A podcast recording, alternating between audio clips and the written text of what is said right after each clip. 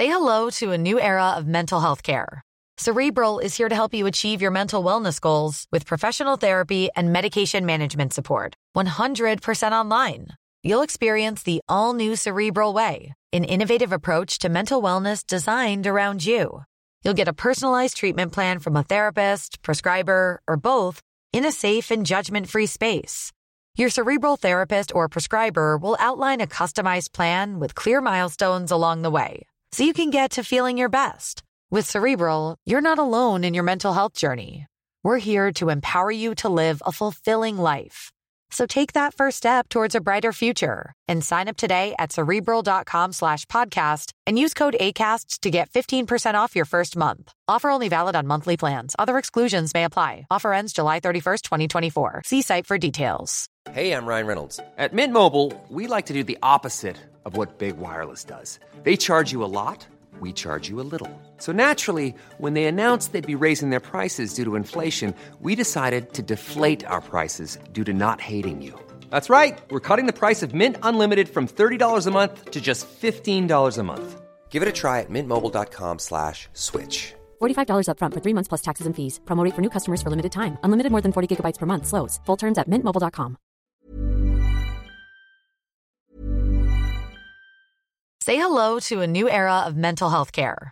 Cerebral is here to help you achieve your mental wellness goals with professional therapy and medication management support. 100% online. You'll experience the all new Cerebral Way, an innovative approach to mental wellness designed around you. You'll get a personalized treatment plan from a therapist, prescriber, or both in a safe and judgment free space. Your cerebral therapist or prescriber will outline a customized plan with clear milestones along the way so you can get to feeling your best. With Cerebral, you're not alone in your mental health journey. We're here to empower you to live a fulfilling life.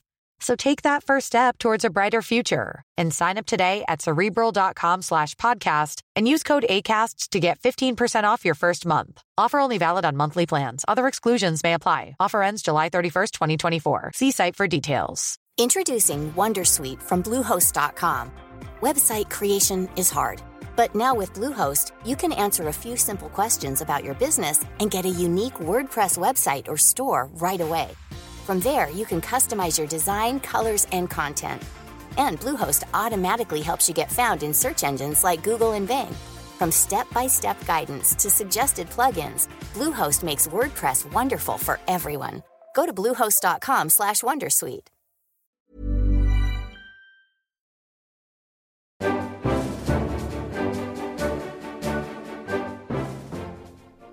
Velkommen til Aftenposten Verden, en podkast fra Aftenpostens utenriksredaksjon. I dag skal det handle om Frankrike. Vi skal snakke om fotball-EM, vi skal snakke om politikk, vi skal snakke om terror og en del andre ting. Jeg heter Kristina Pletten, og med meg i studio er Alf Ole Ask. Bonjour. Bonjour. Fra Paris har vi med oss Vibeke Knopp Raslin. Eh, Men først skal vi prate litt med Erlend Nesje, som skal til Frankrike for å dekke fotball-EM.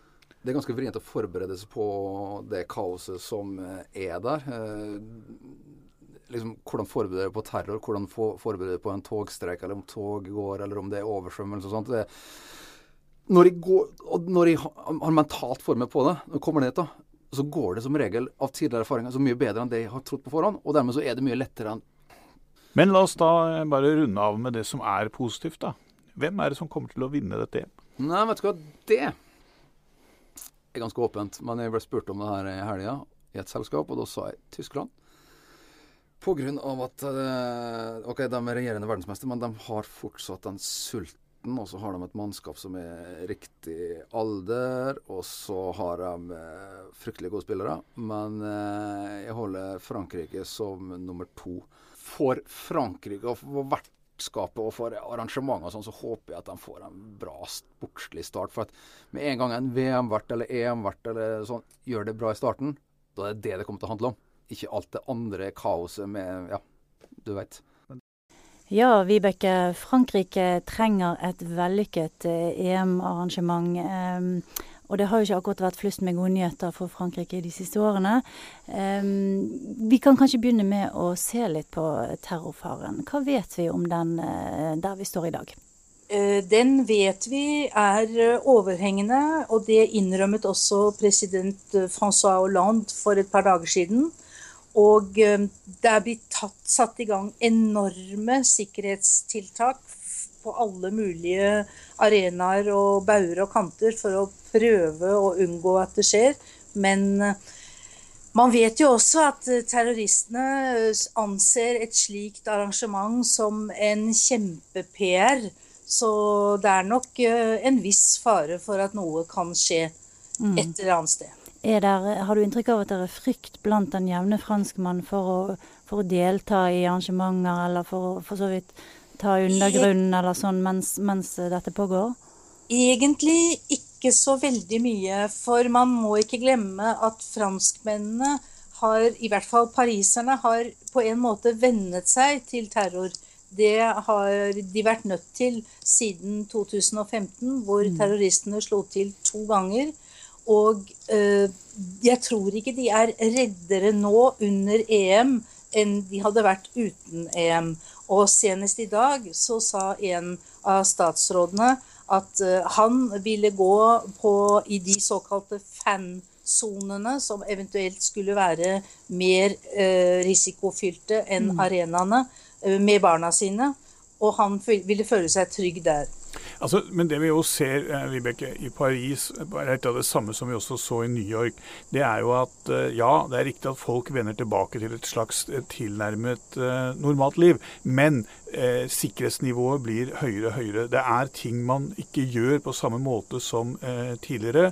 Og eh, det ser man jo også nå i, i, i Frankrike. Jeg Eh, var i Paris bare for noen uker siden. Jeg var i Toulouse. I Toulouse f.eks. er det nå, som jo er også en by hvor de skal spille fotball, mm. eh, så er det nå slik at eh, på flyplassen så det, bruker de bare én inngang. Det står altså maskingeværstillinger rundt flyplassen. Dette er en strategisk sett veldig viktig flyplass, for det er jo her Airbus, altså flyfabrikken i Frankrike, eh, ligger.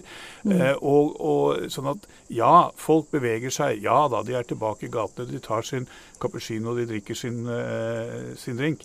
Men Kafé Olé heter ja, det. Ja, det gjør kanskje det også. I den delen av verden heter det Kafé Olé. Det er helt korrekt.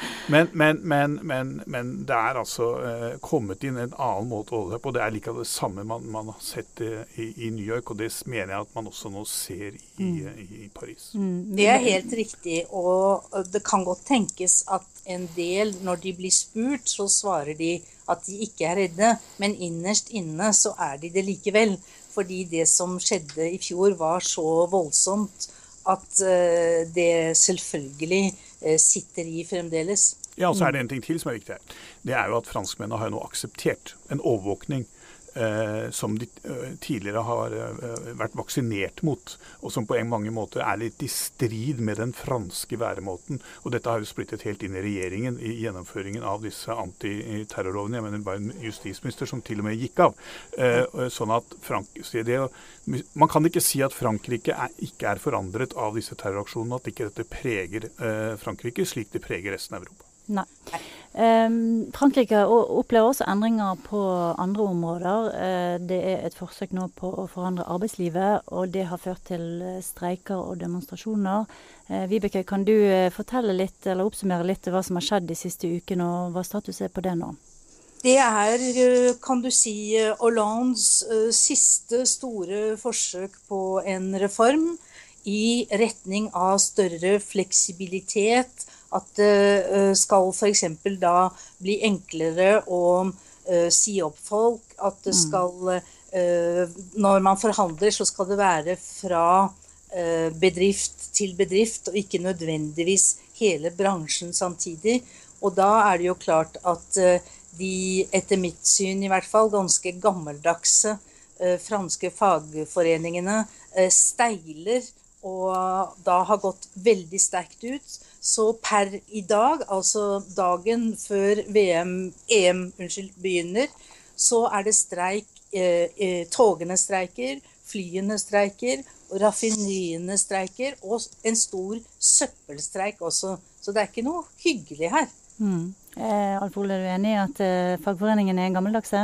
Ja da. Eh, franske eh, fagforeninger eh, er militante, og de er på mange måter gammeldagse. Og det er selvfølgelig et behov for en, for en reform av offentlig sektor i, i, Frankrike. Det er det ingen tvil om.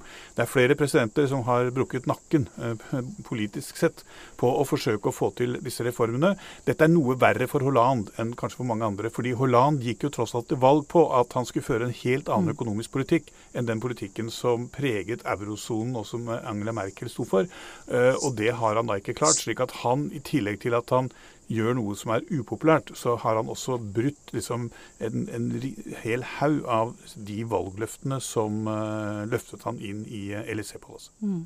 Og, og I tillegg så står han veldig svakt uh, politisk akkurat nå. Ja, Han er vel den svakeste presidenten siden man startet med meningsmålinger i, i Frankrike. Eh, sånn at det er jo ingen som, jo ingen som har eh, dårligere utgangspunkt enn en han. Og han framstår Altså, mine franske venner, eh, hvor mange av de også er lærere og dermed tilhører kjernegruppen til det franske sosialistpartiet, de ser jo på han som en latterlig figur. Mm. Og det er vel sånn at Frankrike, selv om ikke det var en av de verst rammede eurokriselandene, så ble de likevel ganske dypt berørt og har måttet gjennomføre en god del av de samme sparetiltakene som, som disse andre hardere rammede landene, som f.eks. Spania og Hellas har. De har eh, måttet mm, øke pensjonsalderen, de ser på eh, arbeidsrett, kutt i velferdsgoder.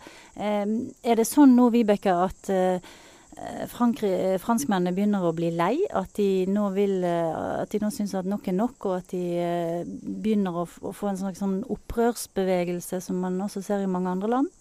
De synes uh, nok er nok, og det har de på en måte synes lenge.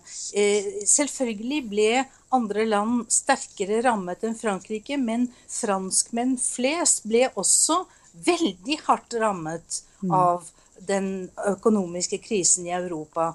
Og deres levestandard og uh, hva de hadde å rutte med til å kjøpe helt nødvendige ting, det, det gikk sterkt ned. Så jo, de sier at nok er nok. Og så kommer i tillegg at de er fullstendig allergiske mot enhver reform. Når man spør dem syns du at man bør reformere arbeidslivet f.eks., så svarer de ja. Men de er helt uenige hvis det angår dem selv. Og dermed så blir det umulig å gjennomføre. Det er jo sagt om franskmennene at de elsker revolusjon, men hater forandring. Og det er jo på en måte litt av mentaliteten da, som, som, du, uh, som, du, nå ser. Men så er det også slik at det er ikke bare Frankrike som nå er avhengig av at fransk økonomi begynner å vokse mer enn hva den gjør nå, det er faktisk hele eurosonen. Altså, Du mm. må nå få tilbake veksten, ikke bare i, i, noen av disse landene som har vært hardest rammet, men det er viktig av at en så tung økonomi som Frankrike eh, begynner å vokse mer enn en hva den eh, nå gjør, hvis du skal få euroen eh, oppe og, og, stå. Så Sånn sett er den krisen som er i Frankrike nå, den er også Europas krise. Den er viktig for hele Europa. og OECD eh, spår en vekst eh, for 2016 på ca. 1,4 Det er ganske blodfattig, altså i hvert fall i positivt territorium, men, men ganske blodfattig. Eh, og de også, strever også med høy arbeidsledighet, Vibeke. Kan du si litt om det? Ja, det er klart. Og, og den er nesten på 10% fremdeles. Men det pussige er at eh, senest i dag så ble det offentliggjort at det aldri har vært skapt så mange arbeidsplasser som akkurat nå. Og for noen uker siden så sa Hollande eh, i et stort fjernsynsintervju nå går det bedre med Frankrike. Og det ble selvfølgelig gjort veldig narr av, for det var ingen som kunne se noen tegn til at det stemte. Men nå, etter hvert, både her og både der, så kommer det tegn på at det går bedre med Frankrike. Endelig. Men man skal også være klar over en ting. At er, du har statistikk, og du har fordømt uh, løgn. og, og uh, et av problemene i Frankrike er at det er enorme regionale forskjeller mm. uh, når det gjelder, når det gjelder hvordan denne økonomiske krisen har slått ut. og det er ikke minst viktig her, også når man skal se på det politiske kartet i, i Frankrike. hvordan deler av Sør-Frankrike er mye hardere rammet, og deler av Nord-Frankrike er mye hardere rammet. og man kan egentlig legge oppslutningen til Front National over dette, så kan man finne veldig store sammenhenger mellom, mellom uh, dette. og det gjør liksom at noe av av den forbannelsen som man nå har rettet mot Hollande, er ikke minst rettet fra de som da ikke ser at denne velstanden, eller denne økonomiske fremgangen faktisk eh, kommer. Og også fordi at Frankrike selvfølgelig står overfor store strukturelle problemer innenfor tunge sektorer. Eh, som f.eks. landbruk, som deler av industrien som har, har, eh, har opp, vært opprettholdt i Frankrike i en struktur mye lenger enn i andre land. Ja, altså, Du oppholder jo deg mye i Sør-Frankrike. Og du eh, ser vel gjerne har sett dette, denne utviklingen over tid. Eh, fortell litt sånn konkret. Hva, hva, ser du? Hva endringer har du sett i, i løpet av de siste årene? Nei, eh, hvis man skal bruke et litt sånn innenlandsk, godt norsk ord på det, så ser det litt mer sånn forsoffent ut. Mm. Altså, eh, For noen år siden var en del av disse byene i, i sørvestlige deler av, av, Frankrike de som da liksom våknet. Eh, det ble investert mye penger der, utlendinger kom og kjøpte hus osv. Mye av dette har stoppet opp. Vi ser nå eh, det kommer sigende inn flyktninger fra Magreb-landene. Veldig mm. fattige mm. folk som slår seg ned der. det har vært ja, en del av som har skapt store motsetninger og store eh, politiske problemer. Og du ser også eh, deler av disse områdene hvor eh, den økono enorme økonomiske krisen i Spania, det er jo um, rett over Pyreneene her, mm. eh, slår inn også i denne regionen. Ikke minst gjelder dette ungdomsarbeidsløsheten. Eh, folk jeg snakker med eh, i Languedoc-Roussillon-området osv., eh, snakker om en ungdomsledighet som om den ikke er like høy, men mange av de samme problemene som det du har i Spania. Hvor ungdomsledigheten ligger på et enormt høyt nivå, eh, faktisk opp mot eh, 45-50% Ja, og det, dette rammer jo spesielt eh, immigranter og barn. Eh, første, andre og tredjegangsgenerasjon immigranter. Eh, kanskje paradoksalt nok der eh, vi ser de, noen av de mest suksessfulle av disse, er jo nettopp i fransk fotball. og Vibeke, det har også vært noen kontroverser i forbindelse med, med det? Ja. Det er eh, spissen Benzema, som, eh, Karim Benzema, som ikke ble valgt ut på landslaget. Mm. Og som valgte å gi et stort intervju til en engelsk avis, hvor han sa at han mente at den avgjørelsen var rasistisk. Fordi uh, han er uh, uh, av marokkansk opprinnelse, og han mente da at det var ingen spillere fra, eh, eller opprinnelig fra Nord-Afrika på landslaget, og at det betydde at eh, landslagssjefen er rasistisk. Og dette førte til en ganske stor debatt i Frankrike. Eh, fordi eh, til og med Eric Cantona, den eh, store helten for noen år tilbake, han gikk ut og støttet Benzema og sa at han hadde rett. Mm. Mens mange andre syns at det var helt sprøtt å si noe sånt. Særlig fordi Benzema, altså grunnen til at han ikke fikk være med i, i år, er en helt annen. Det er fordi han er under etterforskningen på, etterforskning pga. en sextape han har laget om en annen spiller. Nettopp. Så det er kanskje litt uh, andre motiver for å, å gå Sikkert ut med en andre motiver, men, men, det er riktig at uh, for franskmenn flest så betyr det veldig mye, eh, lands, fotballandslaget. Eh, selvfølgelig var det enda mer riktig i 1998, da de vant VM.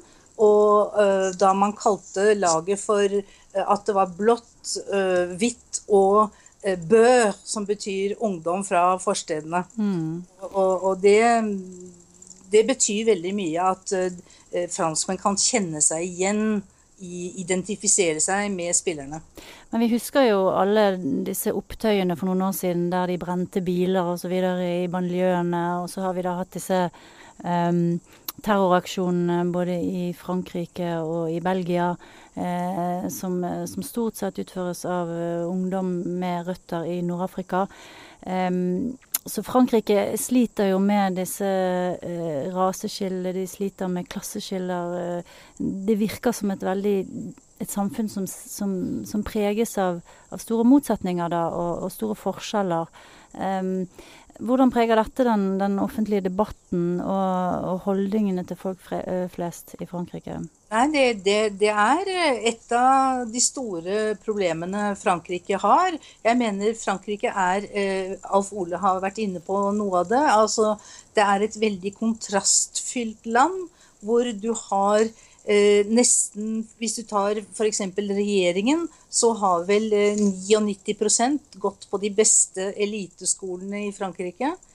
Eh, og du har ingen som er liksom vanlige uh, franskmenn som, som, kommer så høyt som til en regjeringstaburett. Det er fremdeles store sosiale, økonomiske og andre forskjeller mellom franskmenn. Og så er det i tillegg til det en enorm sentrum-periferi-situasjon i Frankrike. Altså Frankrike er et av de landene hvor hovedstaden ligger midt i landet eh, på en mm. måte, og, og sprer seg ut som en sånn eh, blekksprut. Eh, det er ikke sånn som i Norge hvor Oslo ligger avsides, eller i London hvor det ligger litt nede i et uh, hjørne. Det, her er liksom uh, og, og, jeg føler veldig de årene jeg har hatt mye med Frankrike å gjøre siden 2000 og framover, at dette hatet fra periferien mot sentrum er også blitt en mye større dimensjon. Den har nok alltid vært der, men jeg syns jeg liksom ser den mye, mye mer nå, Vibeke, enn, mm. enn, hva jeg gjorde bare for, for noen år siden. Altså. Det er helt riktig. Og øh, jeg prøver å holde meg à jour og dra ut til forstedene for å se øh, hva som foregår der, og ikke bare reise dit øh, en gang hvert tiende år. Men, og da får man følelsen av at det ligger latent der fremdeles og at uh, det på en måte bare mangler en fyrstikk, så setter de i gang igjen. Uh, Vibeke, du skal um, få avrunde denne delen med oss og fortelle oss om du, du, kommer til å se på fotball-VM, om du har noen tips til hvem som kommer til å vinne denne turneringen? Jeg kan jo ikke si annet når jeg bor i Frankrike, enn at det må bli Frankrike som vinner. Jeg tror faktisk Kanskje ikke så mye Hva skal jeg si? Jeg, har, jeg er ingen fotballspesialist, selv om jeg liker fotball. Men jeg kan ikke si om det ene laget er så veldig mye bedre enn det andre. Men det jeg kan si med stor eh, sikkerhet, det er at Frankrike trenger den eh, eventuelle seieren nå. Veldig. Det er ikke vanskelig å være enig med Vibeke i akkurat det. Det var dette vi hadde tid til i denne utgaven av eh, Aftenposten Verden. Du kan følge oss på Twitter og Facebook. Eh, Aftenpostens utmerkede utenriksjournalistikk finner du også på absolutt alle plattformer døgnet rundt. Ja, du kan til og med finne oss i en postkasse nær deg på eh, papir.